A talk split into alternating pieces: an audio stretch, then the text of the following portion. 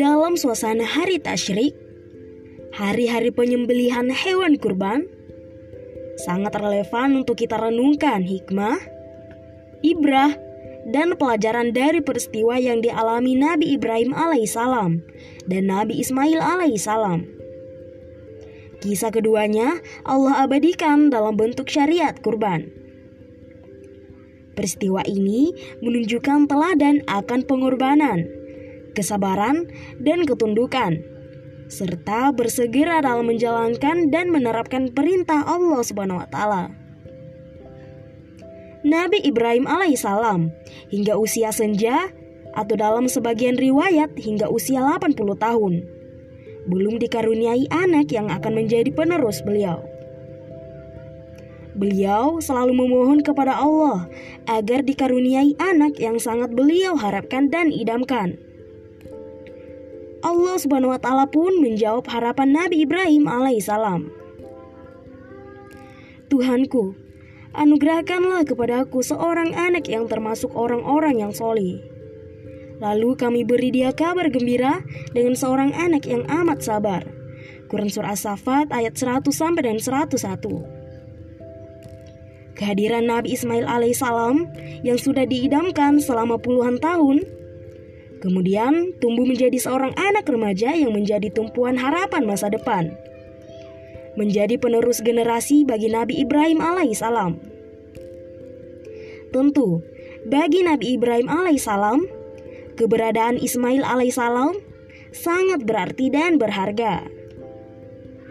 Nilainya sulit untuk dideskripsikan namun, saat itu justru datang ujian dari Allah Subhanahu dalam bentuk perintah kepada beliau untuk menyembeli Ismail alaihissalam, putranya.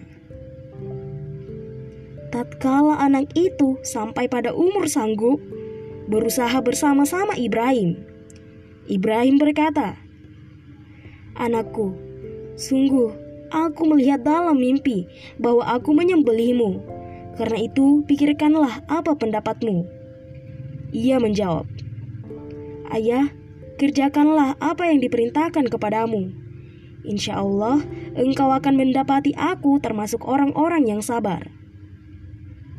Tatkala keduanya telah berserah diri dan Ibrahim membaringkan anaknya atas pelipisnya. Nyatalah kesabaran keduanya. Kami memanggil dia. Hai Ibrahim, Sungguh, kamu telah membenarkan mimpi itu. Sungguh demikianlah kami memberi balasan kepada orang-orang yang berbuat baik. Sungguh, ini benar-benar suatu ujian yang nyata. Lalu kami menebus anak itu dengan seekor sembelihan yang besar. Quran Surah As-Safat ayat 102 dan 107. Peristiwa itu sungguh syarat dengan hikmah ibrah, pelajaran, dan teladan yang relevan untuk kita saat ini. Di antaranya, bersegera melaksanakan perintah Allah tanpa menunda-nunda. Untuk bisa melakukan itu, kita perlu mengorbankan Ismail kita. Ismail kita adalah apa saja yang kita cintai, yang demi dia kita rela mengorbankan apa saja. Ismail kita adalah setiap sesuatu yang dapat melemahkan iman kita, yang dapat menghalangi diri kita menuju taat kepada Allah, yang dapat membuat diri kita tidak mendengarkan perintah Allah dan menyatakan kebenaran. Ismail, kita adalah setiap sesuatu yang menghalangi kita untuk melaksanakan kewajiban-kewajiban kita yang menyebabkan kita mengajukan alasan-alasan untuk menghindar dari perintah Allah Subhanahu wa di dalam hidup ini. Kita harus mengidentifikasi dan menemukan apa atau siapakah Ismail kita itu. Mungkin sekali itu adalah seorang manusia, bisa anak, istri, suami, orang tua, atau siapa saja. Bisa pula harta benda, pangkat, jabatan, atau kedudukan bisa juga berupa ideologi dan pandangan hidup sekular, seperti kapitalisme dan sosialisme, atau komunisme, serta ideologi lain yang tidak bersumber dari nilai-nilai tauhid. Bisa juga itu adalah akal kita, perasaan kita, kemaslahatan, dan kepentingan kita atau berbagai kenyamanan yang kita nikmati. Terkait perintah menyembeli Ismail alaihissalam, Nabi Ibrahim alaihissalam tentu dihadapkan pada pilihan sulit itu. Saat itu, setan memanfaatkan kesempatan. Setan berusaha menggoda Nabi Ibrahim alaihissalam, istrinya Hajar dan putranya Ismail alaihissalam agar mengabaikan perintah Allah itu. Namun, Nabi Ibrahim alaihissalam segera mengusir setan itu dengan keras. Hal itu juga memberi teladan kepada kita untuk mengusir bisikan dan godaan setan dengan keras. Bisikan, ajakan, dorongan untuk menyalahi ketentuan Allah, mengabaikan perintahnya, dan menelantarkan syariahnya apa pun bentuk bisikan dan ajakan itu. Juga berasal dari siapa pun, dari cendekiawan dan ulama sekalipun. Semua itu hakikatnya merupakan bisikan dan ajakan setan. Yang demikian itu, seperti yang dinyatakan oleh Allah Subhanahu wa taala, merupakan sesuatu yang nyata dan jelas, sehingga mudah untuk dikenali. Seperti yang diteladankan oleh Nabi Ibrahim alaihissalam, kita harus mengusir semua bisikan dan ajakan setan itu dengan keras. Dalam semua itu, mutlak diperlukan kesabaran. Di situlah Nabi Ismail alaihissalam memberikan teladan. Meski perintah Allah agar ayahandanya menyembeli dirinya secara manusiawi terasa sangat berat. Nabi Ismail alaihissalam tetap sabar menjalani perintah itu dan bahkan menguatkan ayahandanya untuk melaksanakannya. Kesabaran seperti itulah yang harus kita wujudkan untuk melaksanakan perintah Allah Subhanahu wa taala dan menjauhi larangannya di tengah kehidupan kita saat ini.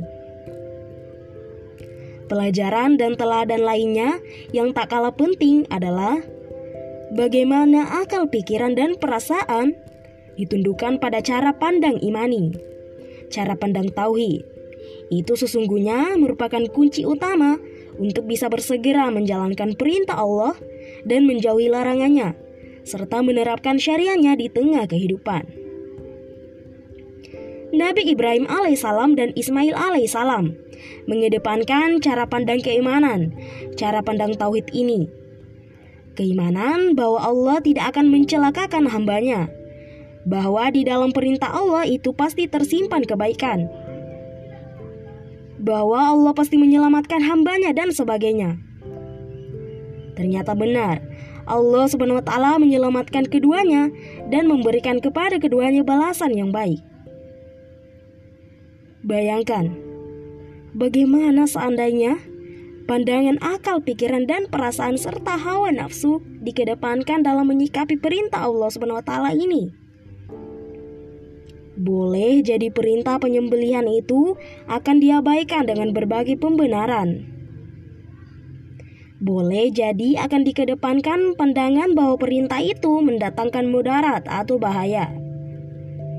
Padahal mudarat harus dihindari, atau pandangan bahwa perintah itu tidak sesuai, tidak manusiawi, kejam, atau bahkan barbar, atau bahkan pandangan bahwa perintah itu keliru atau pandangan lainnya yang lantas menjadi pembenaran untuk mengabaikan perintah itu.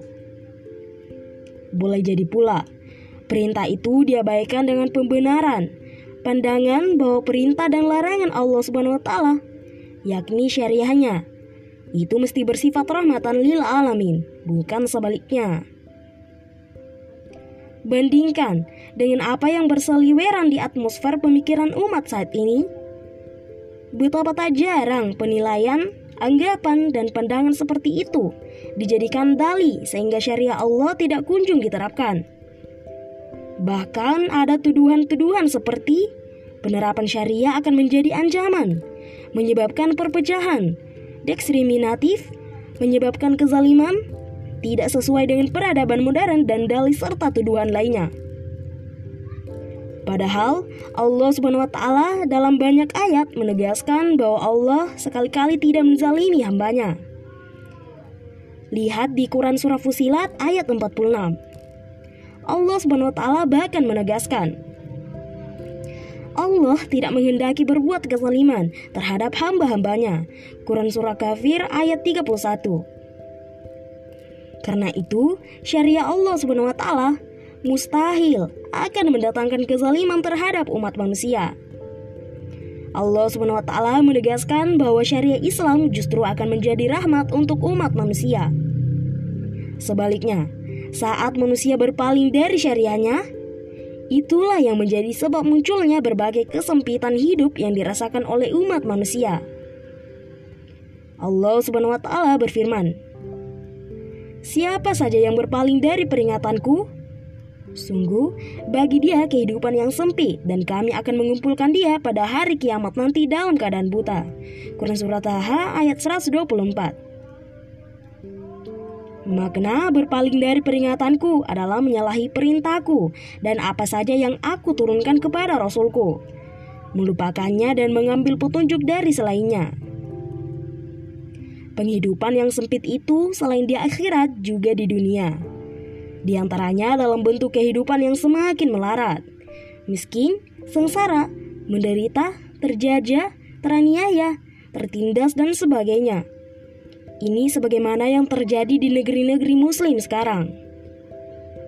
Karena itu, agar kita terhindar dari segala kesempitan di dunia maupun di akhirat, hendaknya kita bersegera kembali kepada Al-Quran, kembali menerapkan syariahnya dalam seluruh aspek kehidupan. Itulah wujud ketakwaan paripurna. Ketakwaan paripurna tentu akan mendatangkan keluasan dan keberkahan hidup di dunia serta balasan surga di akhirat. Hikmah yang bisa kita ambil dalam firman Allah yaitu Hai orang-orang yang beriman Penuhilah seruan Allah dan seruan Rasul jika dia menyuruh kalian pada suatu yang memberikan kehidupan kepada kalian. Quran Surah Al-Anfal ayat 24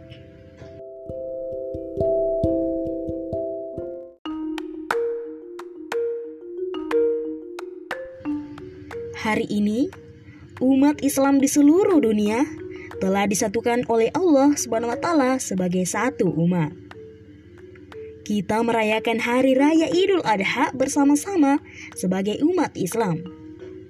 Bukan sebagai bangsa Arab, Afrika, Eropa, Amerika, Australia, maupun Asia. Kita merayakan hari agung yang suci ini sebagai satu umat. Kita diikat oleh akidah yang sama, kita pun diatur dengan hukum yang sama. Sayang, kesatuan sebagai umat ini hanya sesaat. Begitu selesai mengerjakan sholat idul adha dan berhaji, kesatuan itu pun sirna.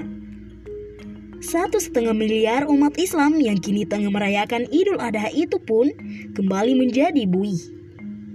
Tidak berdaya menghadapi berbagai persoalan yang terus menimpa mereka perpecahan, pertikaian, perselisihan, pelanggaran hak-hak kemanusiaan, ketidakadilan, kemiskinan, dan berbagai problem lainnya begitu nyata di depan mata. Hari ini kita berbahagia. Bahagia karena masih memiliki harapan dengan amal soli yang kita lakukan. Selesai kita melakukan ibadah hari Arafah, mengisi 10 hari Zulhijjah dengan berbagai amal solih, kita pun merayakan Idul Kurban. Kita berharap semoga Allah membebaskan kita dari azab api neraka. Semoga Allah Subhanahu wa taala pun memasukkan kita ke dalam surganya yang penuh dengan kenikmatan. Kita pun bahagia menyaksikan kaum muslim mengagungkan Allah Subhanahu wa taala mereka berbondong-bondong untuk sholat berjamaah. Bersimpu bersama mendengarkan khutbah Idul Adha. Realitas ini menunjukkan kepada kita bahwa inilah jati diri umat Islam yang sebenarnya. Satu kesatuan yang utuh dan kokoh. Mereka diikat oleh akidah yang sama, yaitu akidah Islam. Mereka diatur dengan hukum yang sama, yaitu syariah Islam. Mereka memiliki kitab yang sama, yakni Al-Quran Al-Karim. Mereka pun menghadap kiblat yang sama, yaitu Ka'bah. Pada hari Idul Adha, biasanya kita diingatkan dengan peristiwa agung pengorbanan Nabi Ibrahim alaihissalam dalam menaati perintah Allah taala untuk menyembelih putranya Ismail alaihissalam. Bagi Nabi Ibrahim alaihissalam, Ismail adalah buah hati harapan dan cintanya yang telah sangat lama didambakan. Akan tetapi, di tengah rasa bahagia itu, turunlah perintah Allah Subhanahu wa taala kepada Nabi Ibrahim alaihissalam untuk menyembelih putra kesayangannya itu. Allah Subhanahu wa taala berfirman, "Anakku, sungguh aku telah melihat dalam mimpi bahwa aku menyembelihmu. Karena itu, pikirkanlah apa pendapatmu." Quran Surah As-Saffat ayat 102 Menghadapi perintah itu, Nabi Ibrahim alaihissalam mengedepankan kecintaan yang tinggi dan ketaatan kepada Allah Subhanahu wa taala. Ia menyingkirkan kecintaan kepada selainnya, yakni kecintaan kepada anak, harta, dan dunia. Perintah untuk taat itu amat berat, namun disambut oleh putranya Ismail alaihissalam dengan penuh kesabaran dan ketaatan. Ini sebagaimana dikisahkan dalam firman Allah Subhanahu. Ayah, lakukanlah apa yang telah Allah perintahkan kepadamu. Insya Allah, engkau akan mendapati aku termasuk orang-orang yang sabar. Quran Surah As-Safat ayat 102 Kisah Nabi Ibrahim alaihissalam dan Nabi Ismail alaihissalam tersebut telah menjadi teladan bagi kaum muslim saat ini teladan dalam pelaksanaan ibadah haji dan ibadah kurban. Juga teladan dalam ketaatan, perjuangan, dan pengorbanan demi mewujudkan ketaatan pada aturan Allah SWT secara kafa. Wujud ketaatan kepada Allah SWT itu adalah penerapan seluruh syariah Islam dalam seluruh aspek kehidupan, mulai individu, keluarga, ekonomi, pendidikan, politik, hingga negara. Allah Subhanahu berfirman, "Hai orang-orang yang beriman, masuklah kalian ke dalam Islam secara keseluruhan. Dan janganlah kalian mengikuti langkah-langkah setan. Sungguh setan itu adalah musuh yang nyata bagi kalian." Quran Surah Al-Baqarah ayat 208 Menjelaskan ayat ini, Imam Ibnu Katsir radhiyallahu anhu berkata, Allah Subhanahu wa taala memerintahkan para hambanya yang beriman kepadanya serta membenarkan rasulnya untuk mengambil seluruh ajaran dan syariah Islam melaksanakan seluruh perintah dan meninggalkan seluruh larangannya sesuai kemampuan mereka.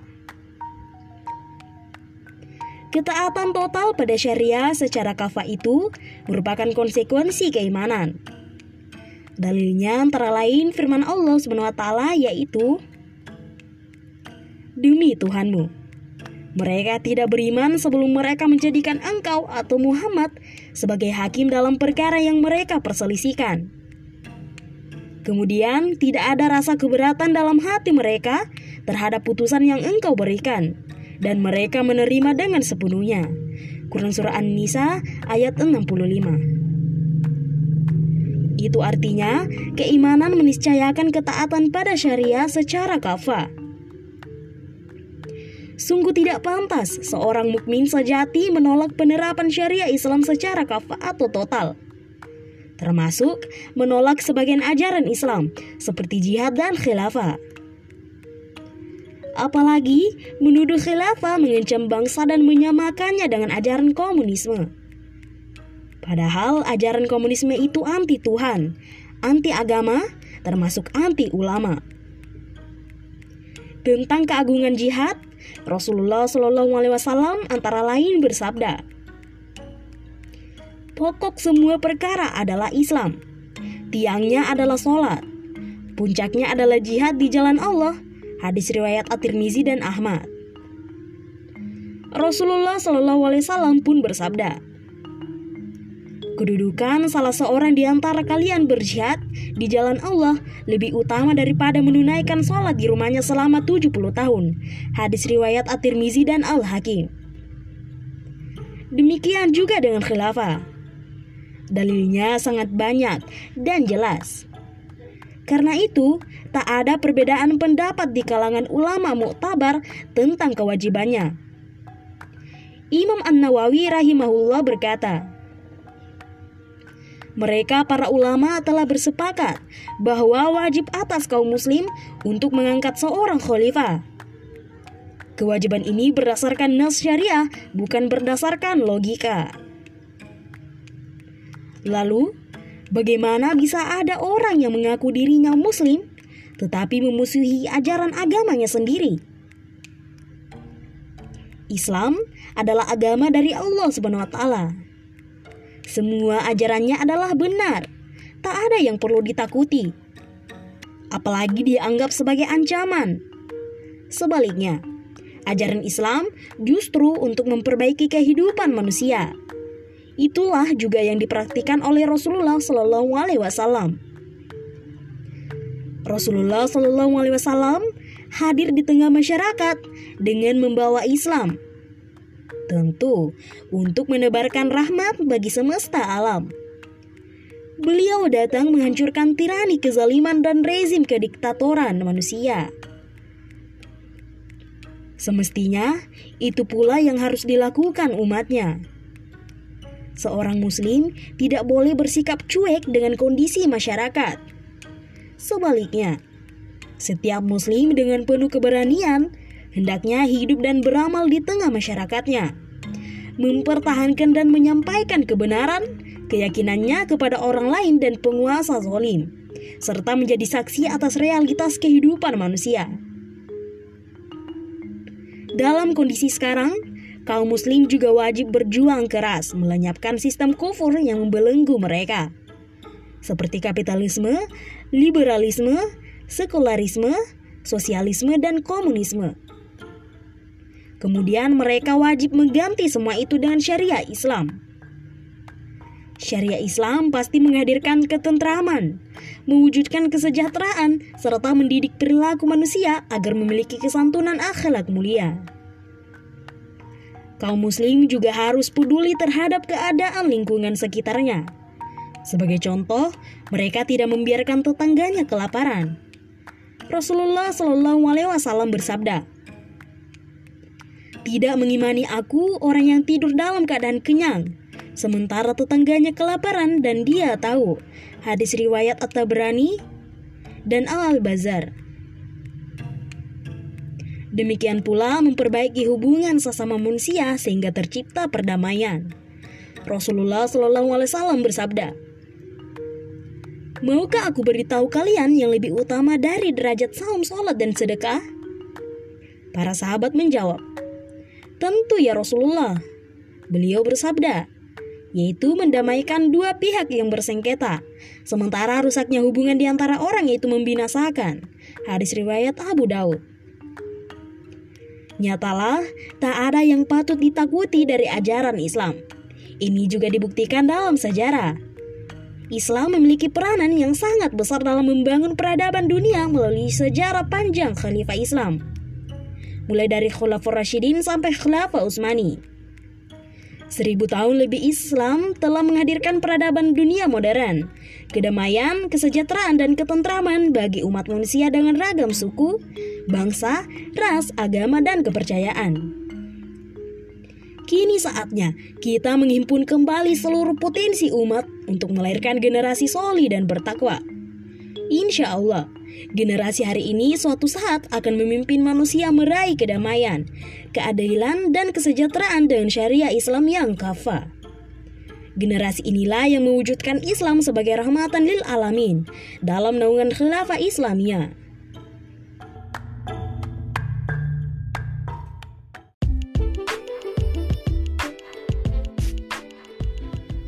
Segala pujian kita panjatkan kepada Allah Subhanahu wa Ta'ala. Dialah zat yang telah memberikan sebagian nikmatnya kepada kita. Di antaranya, nikmat iman dan Islam.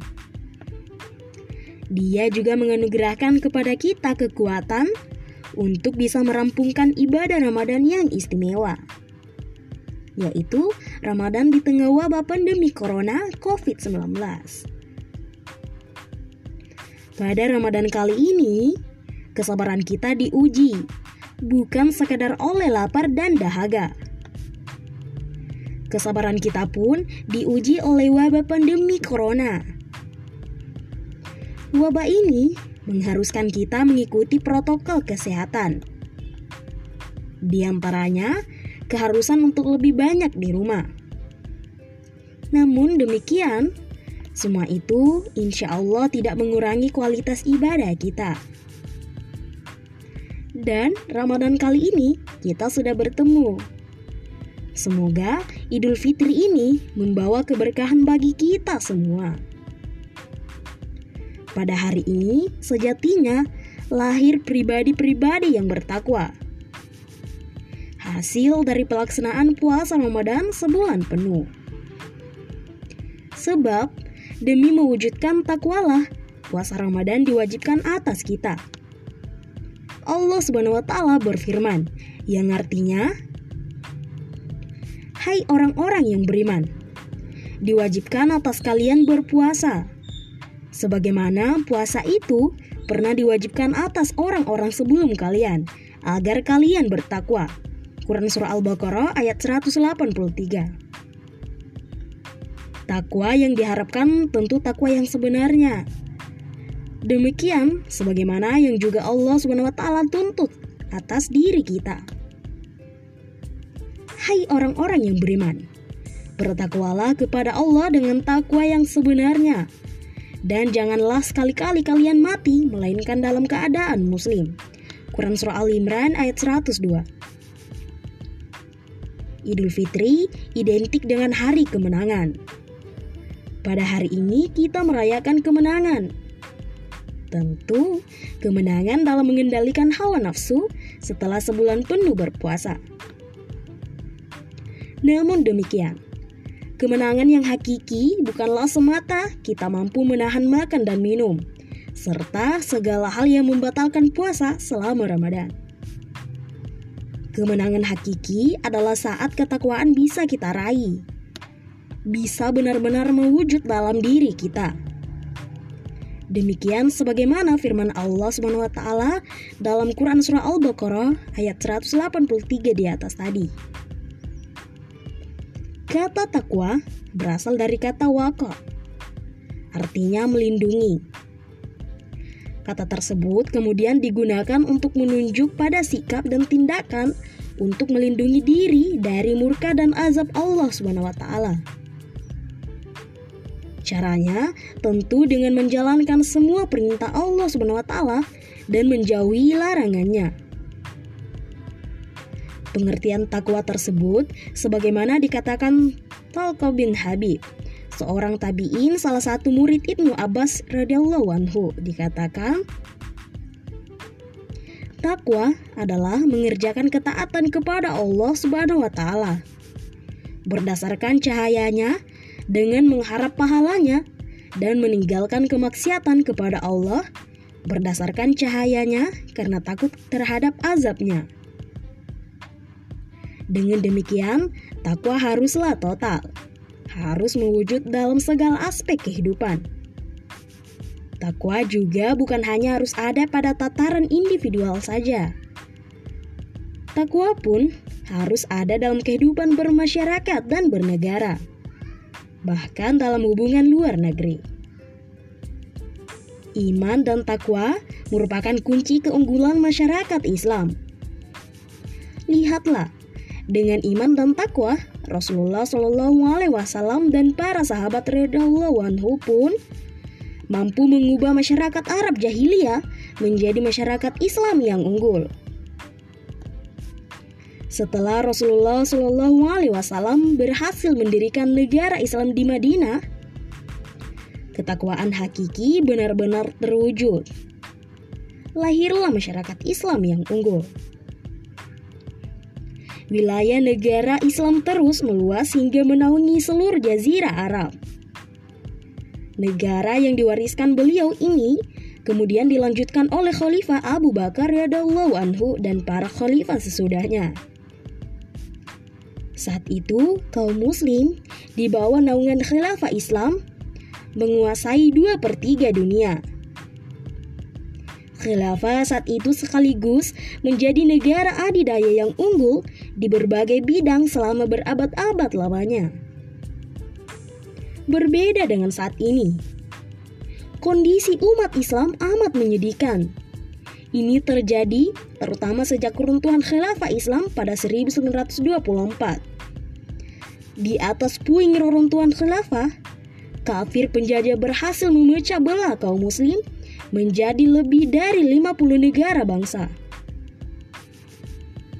Mereka dijajah secara ideologis dan sistemik. Sebagian negara bangsa tersebut menerapkan sistem kufur kerajaan. Sebagian lainnya menerapkan sistem kufur demokrasi. Semua rezimnya ada yang menjadi antek adidaya kapitalis dan ada yang menjadi antek komunis di negara-negara mayoritas berpenduduk kafir, kaum muslim terus-menerus ditindas secara fisik. Kaum muslim Kashmir disiksa oleh Hindu India. Kaum muslim Uighur ditindas habis-habisan oleh komunis Cina. Kaum muslim Rohingya oleh Buddha Myanmar. Kaum muslim lainnya bernasib serupa di berbagai belahan dunia. Bahkan di Timur Tengah, minoritas Yahudi Israel di tengah-tengah mayoritas kaum muslim yang tersekat dalam banyak negara dan bangsa, sangat leluasa menjajah muslim Palestina. Itu semua menunjukkan peradaban kapitalisme barat yang menjadi adidaya saat ini. Juga peradaban komunisme Cina yang malu-malu telah gagal mengayomi warga dunia, terutama kaum muslim. Sebaliknya, nasionalisme terbukti ampuh melemahkan 1,5 miliar kaum muslim di seluruh dunia. Kenyataan itu menjadi ujian ketakwaan kita kepada Allah SWT. Apa yang harus kita lakukan untuk membuktikan ketakwaan kita kepada Allah SWT? Tiada pilihan lain selain berjuang bersama mengembalikan Islam sebagai solusi kehidupan. Islamlah yang akan menyelesaikan seluruh persoalan individu, masyarakat, negara, dan bahkan dunia. Inilah yang telah ditunjukkan oleh Rasulullah Shallallahu Alaihi Wasallam, Khulafaur Rashidin pada masa lalu dan para khalifah sesudahnya. Ingatlah, Perubahan hanya akan terjadi ketika ada keinginan untuk berubah. Allah SWT tidak akan mengubah keadaan suatu kaum kecuali mereka mau mengubah keadaan diri mereka sendiri. Sungguh Allah tidak mengubah keadaan suatu kaum hingga kaum itu sendiri mengubah keadaan yang ada pada diri mereka. Quran Surah Al-Ra ayat 11 Demikian pula, jika kita ingin mendapatkan pertolongan Allah taala, tentu kita harus menolong agamanya. Allah taala berfirman, yang artinya, "Hai orang-orang yang beriman, jika kalian menolong agama Allah, niscaya Dia akan menolong kalian dan menegakkan kedudukan kalian." Quran Surah Muhammad ayat 7. Dengan khilafah, seluruh syariah Islam dapat ditegakkan secara kafah. Khilafah akan menjadi peradaban alternatif untuk menggantikan peradaban barat yang sudah rapuh. Pandemi corona menyingkap dengan sangat jelas betapa rapuhnya kapitalisme global. Bahkan, politisi senior Amerika Serikat, Henry Kissinger, menyatakan pandemi corona akan mengubah tatanan dunia global selamanya. Maka dari itu, untuk menghilangkan kezaliman dari masyarakat, kapitalisme harus segera dicampakkan. Tatanan kehidupan saat ini harus dirombak secara menyeluruh. Diganti dengan sistem yang mewujudkan keadilan. Pengganti yang tepat dari sistem buruk kapitalisme itu tidak lain adalah Islam. Sistem pemerintahannya adalah khilafah. Dengan khilafah, tentu yang menerapkan syariah Islam secara kafah, Islam rahmatan lil alamin akan dapat benar-benar kembali terwujud. Masa bagi tegaknya kembali khilafah itu telah tiba. Ini sesuai dengan janji Allah Subhanahu wa taala yang artinya Allah telah menjanjikan kepada kalian yang beriman dan beramal salih di antara kalian bahwa Dia sungguh-sungguh akan memberikan kekuasaan kepada mereka di muka bumi sebagaimana Dia pernah memberikan kekuasaan kepada orang-orang sebelum mereka. Quran surah An-Nur ayat 55. Menurut Imam Ashi Syaukani, ayat di atas adalah janji Allah Subhanahu wa taala kepada siapa saja yang beriman dan beramal salih yakni bahwa Allah taala akan memberikan kekuasaan kepada mereka. Sebagaimana kekuasaan itu pernah diberikan kepada kaum sebelum mereka yang sama-sama beriman dan beramal soli. Janji ini berlaku umum bagi seluruh umat, bukan hanya generasi sahabat. Sebabnya iman dan amal soli tak hanya khusus pada ada diri para sahabat. Kekuasaan yang Allah SWT janjikan tentu saja khilafah, bukan yang lain. Pada saat khilafah tegak, kekuasaannya akan meliputi seluruh bumi.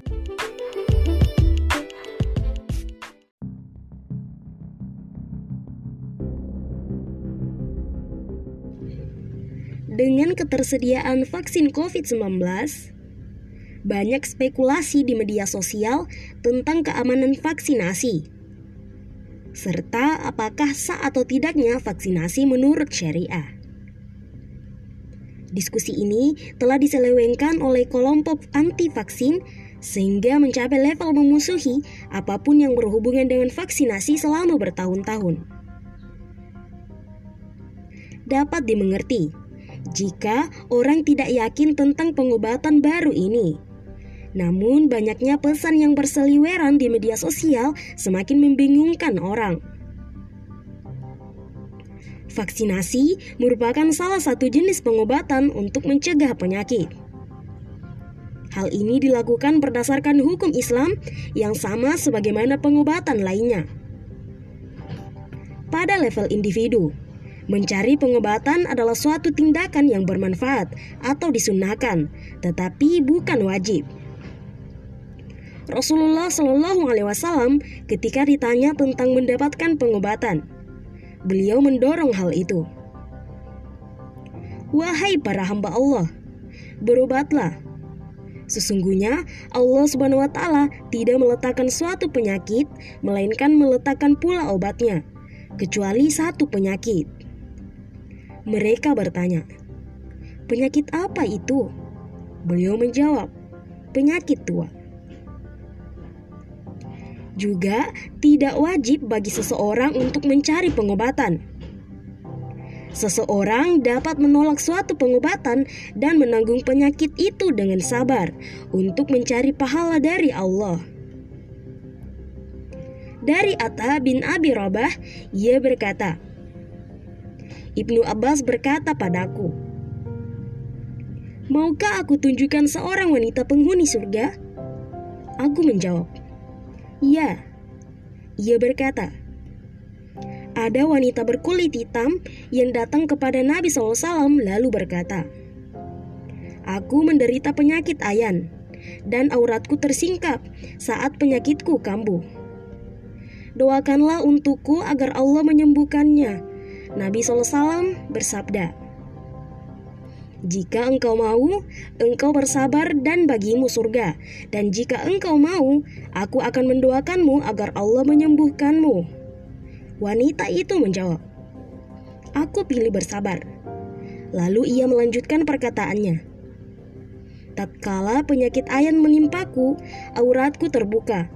Doakanlah agar auratku tidak tersingkap. Maka Nabi pun mendoakannya. Suatu bentuk vaksinasi telah dipraktikkan pada masa Khilafah Utsmani untuk mencegah cacar, suatu penyakit virus yang mematikan. Jauh sebelum penemuan vaksin penyakit itu oleh Edward Jenner yang terkenal pada tahun 1796 di Inggris. Jadi, vaksinasi bukanlah pengobatan yang asing bagi Islam atau syariat. Level pemerintahan. Pada level pemerintahan, khilafah memiliki tugas wajib untuk menjaga urusan masyarakat, termasuk memberikan perawatan kesehatan.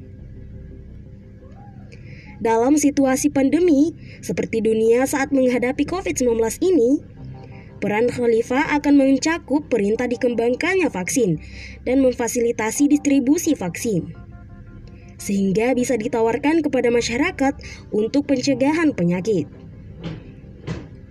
Ini dilakukan selain menerapkan aturan Islam yang khusus menangani pandemi, seperti mencegah perjalanan ke dari wilayah wabah penyakit dan memisahkan orang-orang yang sakit dari yang sehat.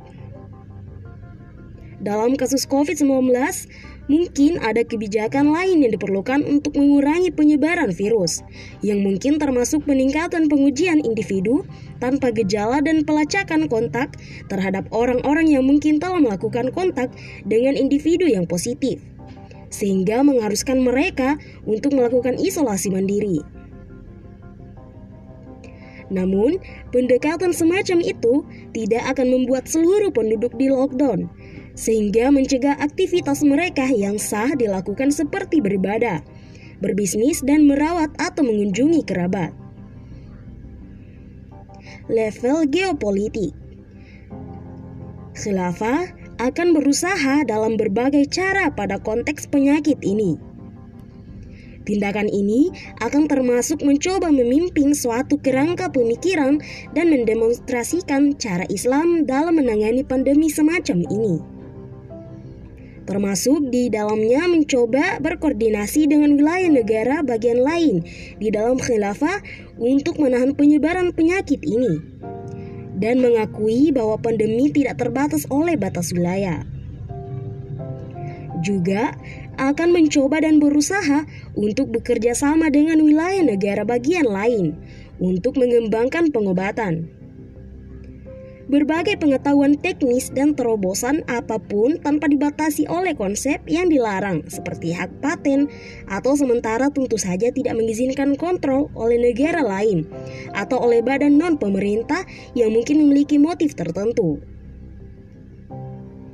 Jika memungkinkan, tindakan itu termasuk mencoba membantu negara-negara yang lebih lemah dalam hal pengobatan dan penyembuhan atau sebagaimana dalam sejarahnya yang panjang, khilafah membantu negara-negara lain ketika mereka kelaparan.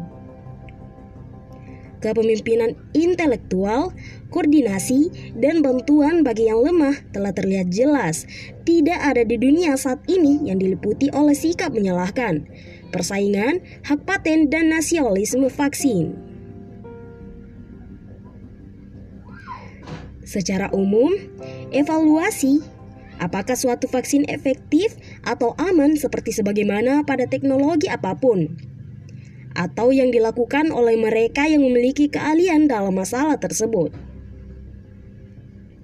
Anas meriwayatkan bahwa Rasulullah Shallallahu Alaihi Wasallam kebetulan melewati penduduk yang selama ini sibuk mencangkok pohon. Setelah itu, beliau bersabda, jika kau tidak melakukan pencangkokan itu, mungkin itu baik untukmu. Sehingga akhirnya mereka menghentikan pencangkokan ini. Namun hasil panennya, beliau SAW kebetulan melewati mereka dan berkata, Apa yang salah dengan pohon-pohonmu? Mereka menjawab, Engkau mengatakan ini dan itu. Kemudian beliau bersabda, Engkau lebih tahu tentang keterampilan teknis dalam urusan dunia. Hadis riwayat Muslim. Negara khilafah akan memastikan bahwa setiap obat baru seperti vaksin akan diuji keamanannya sebelum ditawarkan kepada warganya. Abu Said Al-Qudri meriwayatkan, Rasulullah Shallallahu Alaihi Wasallam bersabda, tidak boleh ada bahaya dan tidak boleh membahayakan orang lain. Barang siapa yang menyusahkan orang lain, Allah akan menyusahkannya. Barang siapa yang kasar kepada orang lain, Allah akan bertindak keras padanya. Hal ini akan menjadi persyaratan hukum yang diawasi oleh para ahli di cabang peradilan yang disebut muhtasib, yang memantau setiap pelanggaran hak umum terhadap warga negara. Peradilan yang independen dari cabang eksekutif khilafah akan mengurangi potensi tekanan politik yang mempercepat teknologi medis yang belum terbukti kemanjurannya atau tidak aman.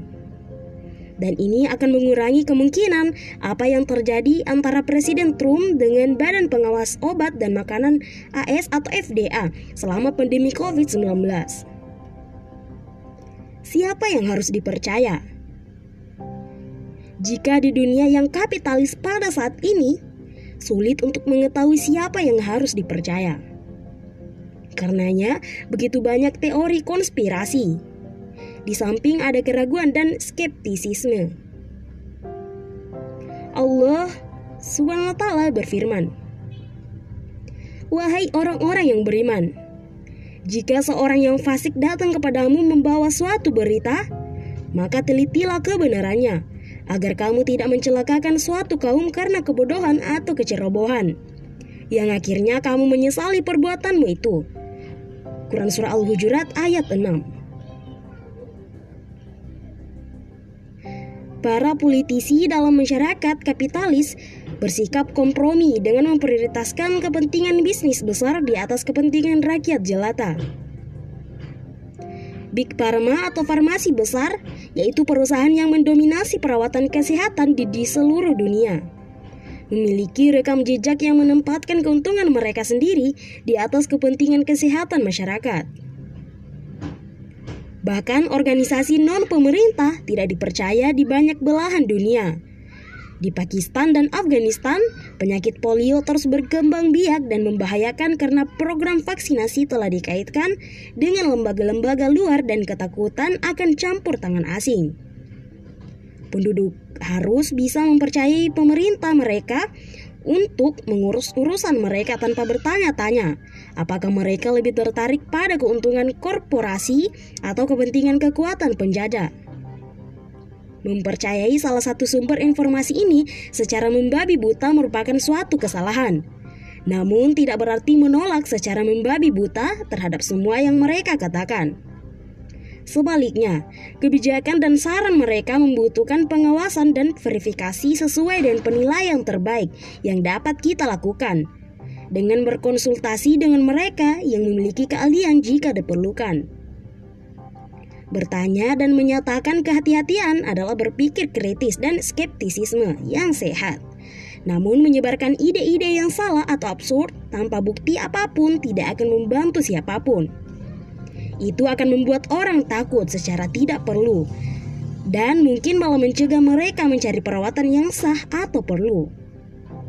Abu Hurairah meriwayatkan, Rasulullah SAW pernah bersabda, Cukup seseorang dikatakan berdusta jika ia menceritakan segala apa yang ia dengar. Sahih Muslim. Selain itu, menyebarkan nasihat medis yang palsu tanpa pemahaman yang baik adalah masalah yang sangat serius yang dapat mencegah orang mencari pengobatan yang layak. Abdullah ibnu Amr meriwayatkan, Rasulullah SAW bersabda, Siapa pun yang melakukan praktik kedokteran tanpa memiliki pengetahuan sebelumnya tentang kedokteran akan dimintai pertanggungjawaban. Sunan Ibnu Majah jadi kami juga mendorong orang-orang untuk tidak mendengarkan desas-desus dengan menelannya mentah-mentah atau kepada orang-orang yang tampaknya mengira bahwa ambisi mereka melampaui pertanyaan dan pemeriksaan kesehatan dengan menawarkan nasihat medis mereka sendiri yang salah.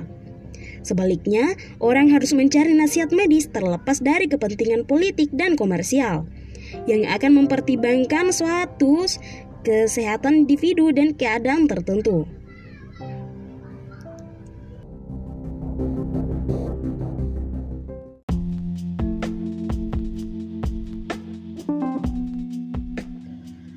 Selayaknya, setiap muslim bergembira. Sebab Ramadan adalah bulan penuh rahmat, bulan penuh berkah, bulan penuh ampunan, juga pertolongan. Ramadan kali ini memang berbeda, tak sama dengan Ramadan tahun-tahun sebelumnya. Saat ini, Ramadan hadir di tengah wabah banyak orang berduka, ditinggal mati oleh orang-orang tercinta. Banyak yang terinfeksi, lebih banyak lagi yang diawasi. Semua karena keganasan virus corona. Tak hanya mengancam jiwa, wabah corona juga melumpuhkan ekonomi negara, dunia usaha kelimpungan.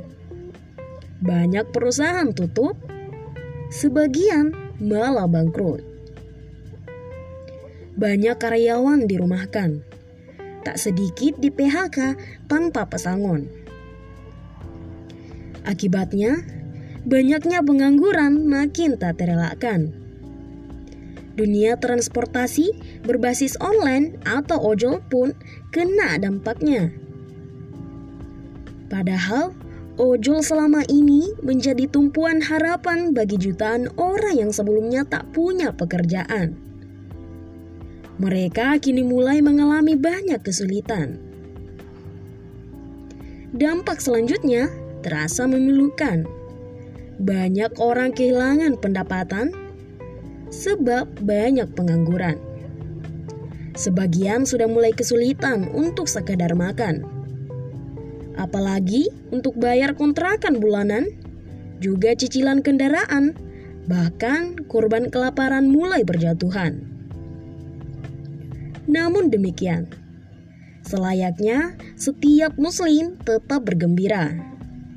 Pasalnya, meski di tengah duka akibat wabah corona, Ramadan tetaplah istimewa.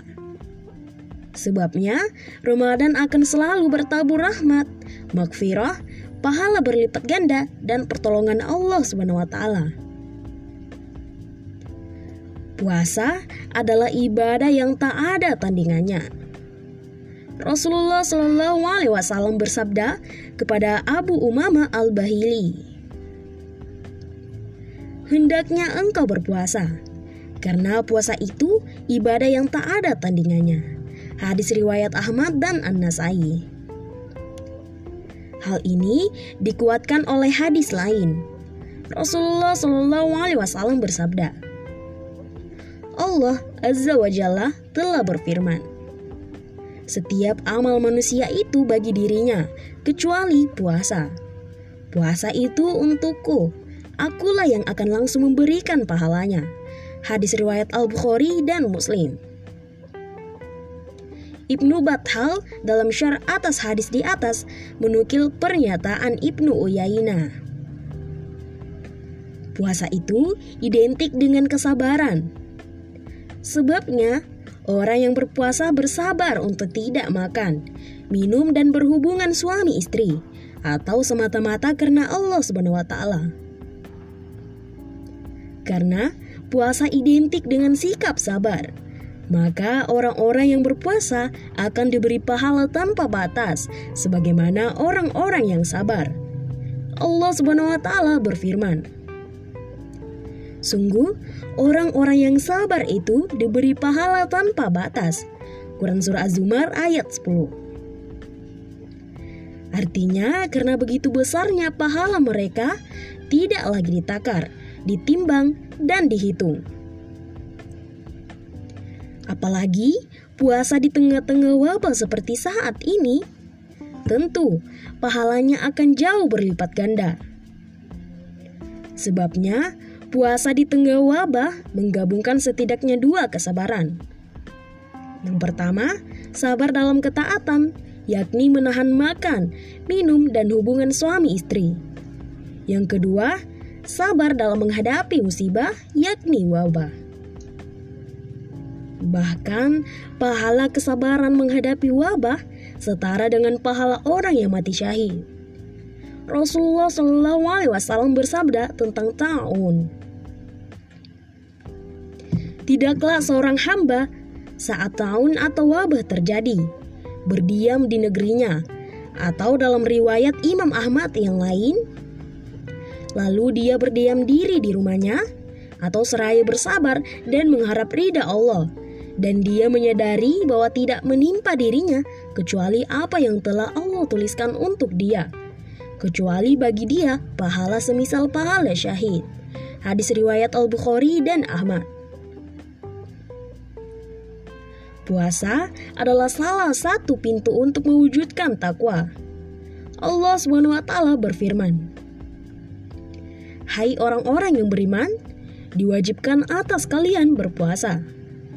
Sebagaimana puasa itu pernah diwajibkan atas orang-orang sebelum kalian, agar kalian bertakwa. Quran Surah Al-Baqarah ayat 183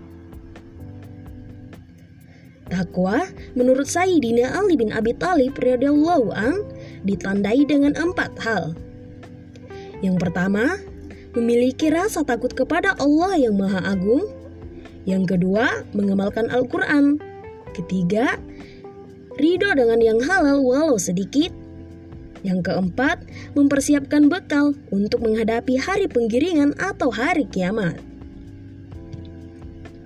Bagi siapa pun yang bertakwa, Allah SWT akan memberi dia setidaknya tiga jaminan. Pertama, jalan keluar atas segala kesulitan. Kedua, rejeki dari arah yang tak diduga. Ketiga, kemudahan dalam segala urusan. Ketiganya itu Allah SWT jelaskan dalam Al-Quran. Siapa saja yang bertakwa kepada Allah, dia pasti akan memberikan jalan keluar bagi dirinya dan akan memberi dia rejeki dari arah yang tidak disangka. Quran Surah At-Talaq ayat 2 3. Maknanya, orang yang bertakwa akan diberi jalan keluar dari ragam kesulitan dunia dan akhirat. Juga akan diberi rejeki dari jalan yang sebelumnya tidak pernah diharap-harapkan dan tidak diangan-angankan. Allah taala berfirman, Siapa saja yang bertakwa kepada Allah, dia pasti akan menjadikan urusannya mudah. Quran Surah At-Talaq ayat 4 Artinya, orang yang bertakwa akan diberi kemudahan dalam segala urusan dunia dan akhirat. Dengan demikian, di tengah ragam kesulitan yang dihadapi kita saat ini, khususnya akibat wabah corona yang melanda, kuncinya hanyalah satu, takwa. Karena dengan takwa, Allah SWT pasti akan memberi kita jalan keluar. Dengan takwa pula, Allah SWT pasti akan memberi kita kemudahan dalam segala urusan, bukan hanya di dunia, tetapi juga di akhirat. Selain itu, takwa menjadi sebab datangnya ampunan Allah SWT dan pahala yang besar. Allah SWT berfirman, Siapa saja yang bertakwa kepada Allah, dia akan mengampuni kesalahan-kesalahannya dan memberi dia pahala yang besar.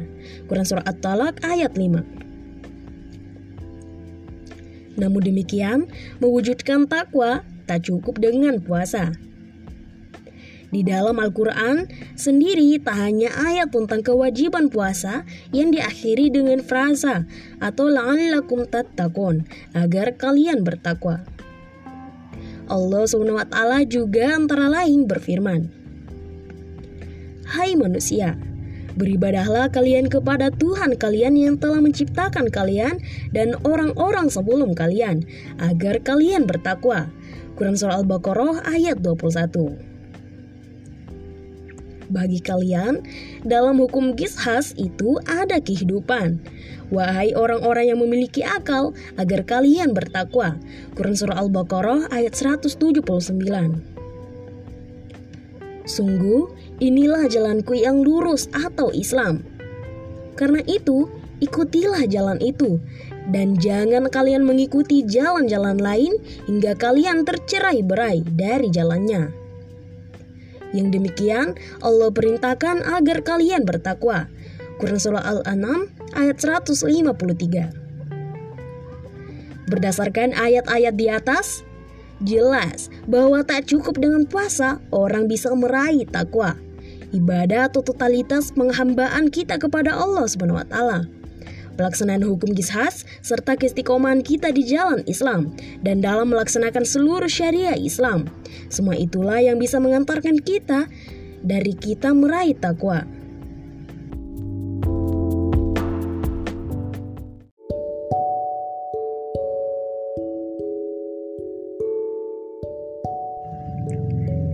Alhamdulillah, meski masih dalam kondisi pandemi, kita sampai juga ke penghujung Ramadan.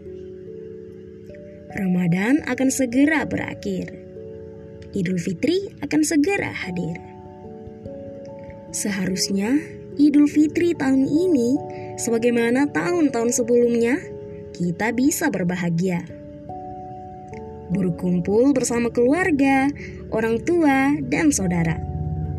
Menyambung tali silaturahmi. Namun demikian, wabah corona yang tak jelas rimbanya menjadikan kita tak bisa ke mana-mana. Kita hanya bisa menyapa orang tua, keluarga, dan saudara melalui telepon genggam. Sebagian hanya bisa berdoa, sebagian lagi hanya bisa meneteskan air mata karena tak bisa lagi bertemu dengan mereka yang sudah pergi untuk selamanya. Sungguh, hanya orang yang beriman yang bisa mengambil pelajaran betapa lemahnya manusia.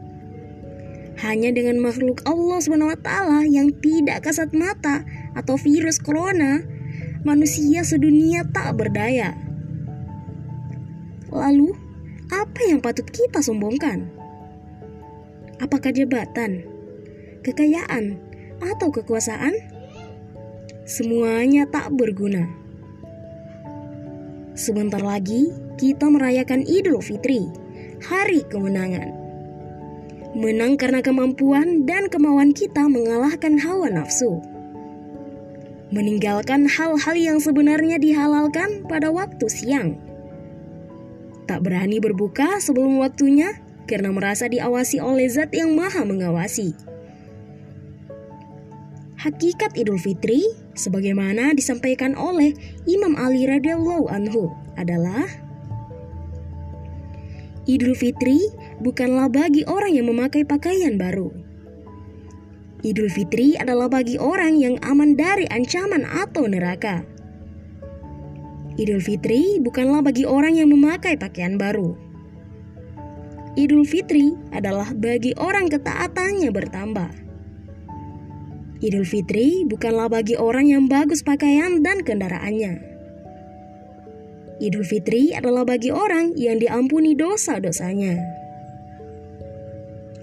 Manusia yang bebas dari ancaman neraka, yang ketaatannya bertambah dan yang diampuni dosa-dosanya hanyalah mereka yang bertakwa. Inilah buah puasa Ramadan. Sesuai dengan firman-Nya, Hai orang-orang yang beriman, diwajibkan atas kalian berpuasa, sebagaimana puasa itu diwajibkan atas orang-orang sebelum kalian, agar kalian bertakwa. Quran Surah Al-Baqarah ayat 183 Kata takwa berasal dari kata wako, artinya melindungi. Maknanya, melindungi diri dari murka dan azab Allah Subhanahu wa taala Wujudnya dengan menjalankan semua perintah Allah SWT dan menjauhi segala larangannya. Yang halal dilakukan, yang haram ditinggalkan. Dalam seluruh aspek kehidupan. Tak ada rasa keberatan sedikit pun terhadap aturan Allah dan keputusan Rasulullah SAW sebagaimana firman-Nya.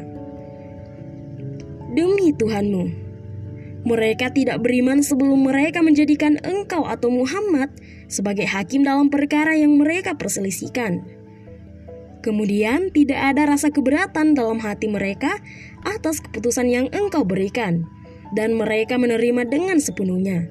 Quran Surah An-Nisa ayat 65 Imam At-Tahabari saat menafsirkan Quran Surah Al-Baqarah ayat 2 mengutip sejumlah pernyataan tentang hakikat orang-orang bertakwa.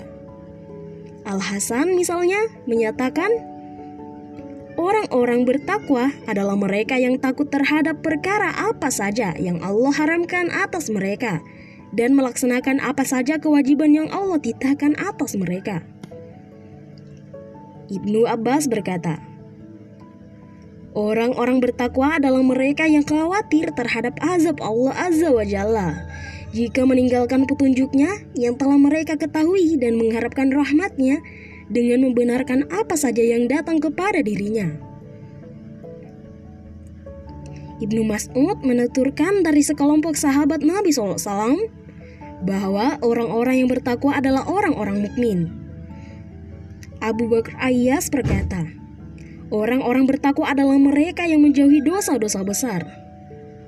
Qatadah berkata, Orang-orang bertakwa adalah mereka yang disifati dengan sifat atau sebagaimana dalam ayat berikutnya, yaitu orang yang mengimani perkara gaib, menegakkan sholat dan menginfakkan sebagian rezeki yang telah Allah limpahkan kepada mereka.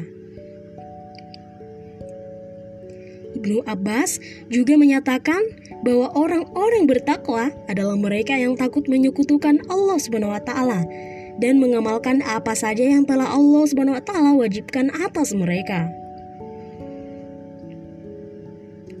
Al-Quran pun banyak mengungkapkan ciri orang-orang yang bertakwa. Di antaranya sebagaimana dinyatakan dalam Quran surah Al-Baqarah ayat 3 sampai 5. Demikian juga dalam Al-Hadis. Begitupun yang dinyatakan oleh para sahabat dan banyak ulama dari generasi salafus solih. Di antaranya adalah yang dinyatakan oleh Al-Hasan. Orang bertakwa memiliki sejumlah tanda yang dapat diketahui, yakni jujur atau benar dalam berbicara, senantiasa menunaikan amanah, selalu memenuhi janji, rendah hati dan tidak sombong. Senantiasa memelihara silaturahmi, selalu menyayangi orang-orang lemah atau miskin memelihara diri dari kaum wanita, berakhlak baik, memiliki ilmu yang luas, senantiasa bertakabur kepada Allah. Terkait ciri orang yang bertakwa pula, Wahab bin Kisan bertutur bahwa Zubair ibnu Al-Awam pernah menulis surat yang berisi nasihat untuk dirinya. Di dalam surat itu dinyatakan, Amma ba'du, Sesungguhnya orang bertakwa itu memiliki sejumlah tanda yang diketahui oleh orang lain maupun dirinya sendiri, yakni sabar dalam menanggung derita, ridho terhadap godha, mensyukuri nikmat dan merendahkan diri atau tunduk di hadapan hukum-hukum Al-Quran. Karena itu, sebagai manusia yang insya Allah lulus dari medan Ramadan, tak layak kita mengabaikan dan mencampakkan Al-Quran. Al-Quran rutin dibaca, tetapi tak berbekas pada jiwa. Al-Quran bahkan dilombakan, tetapi tak dipahami dan diamalkan.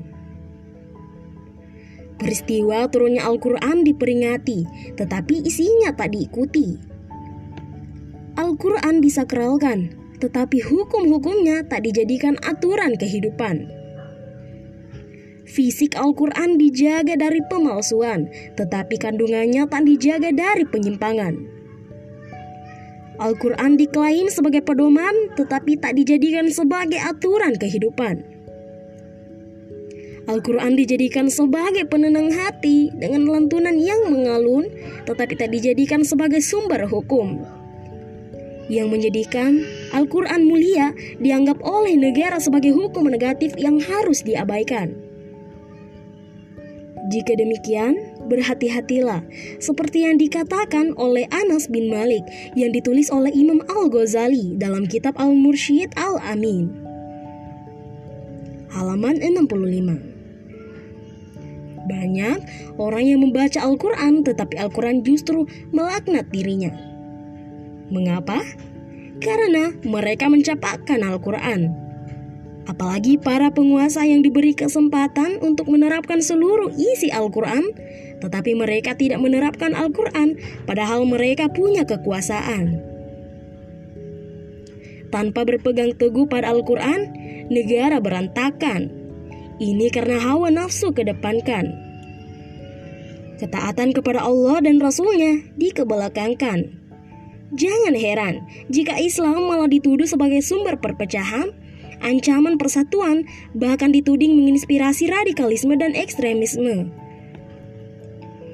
Inilah kezaliman nyata di depan mata kita, yang benar dianggap salah, yang salah dianggap benar. Yang berkuasa bertindak seenaknya, yang lemah diinjak-injak seperti sampah tak berguna. Hilang kasih sayang yang muncul nafsu kekuasaan. Padahal Islam wa la Islam itu tinggi dan tidak ada yang lebih tinggi dari Islam.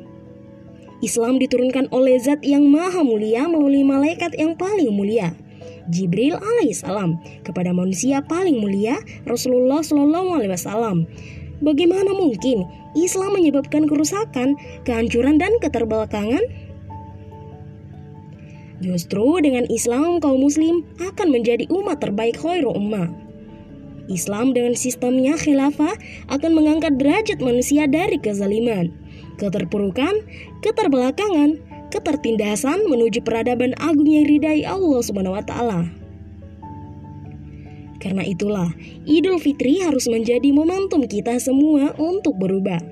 Menjadi manusia baru, laksana kupu-kupu yang indah memesona, yang baru melewati masa kepompong selama Ramadan. Taat kepada Allah dan Rasulnya secara totalitas tanpa batas.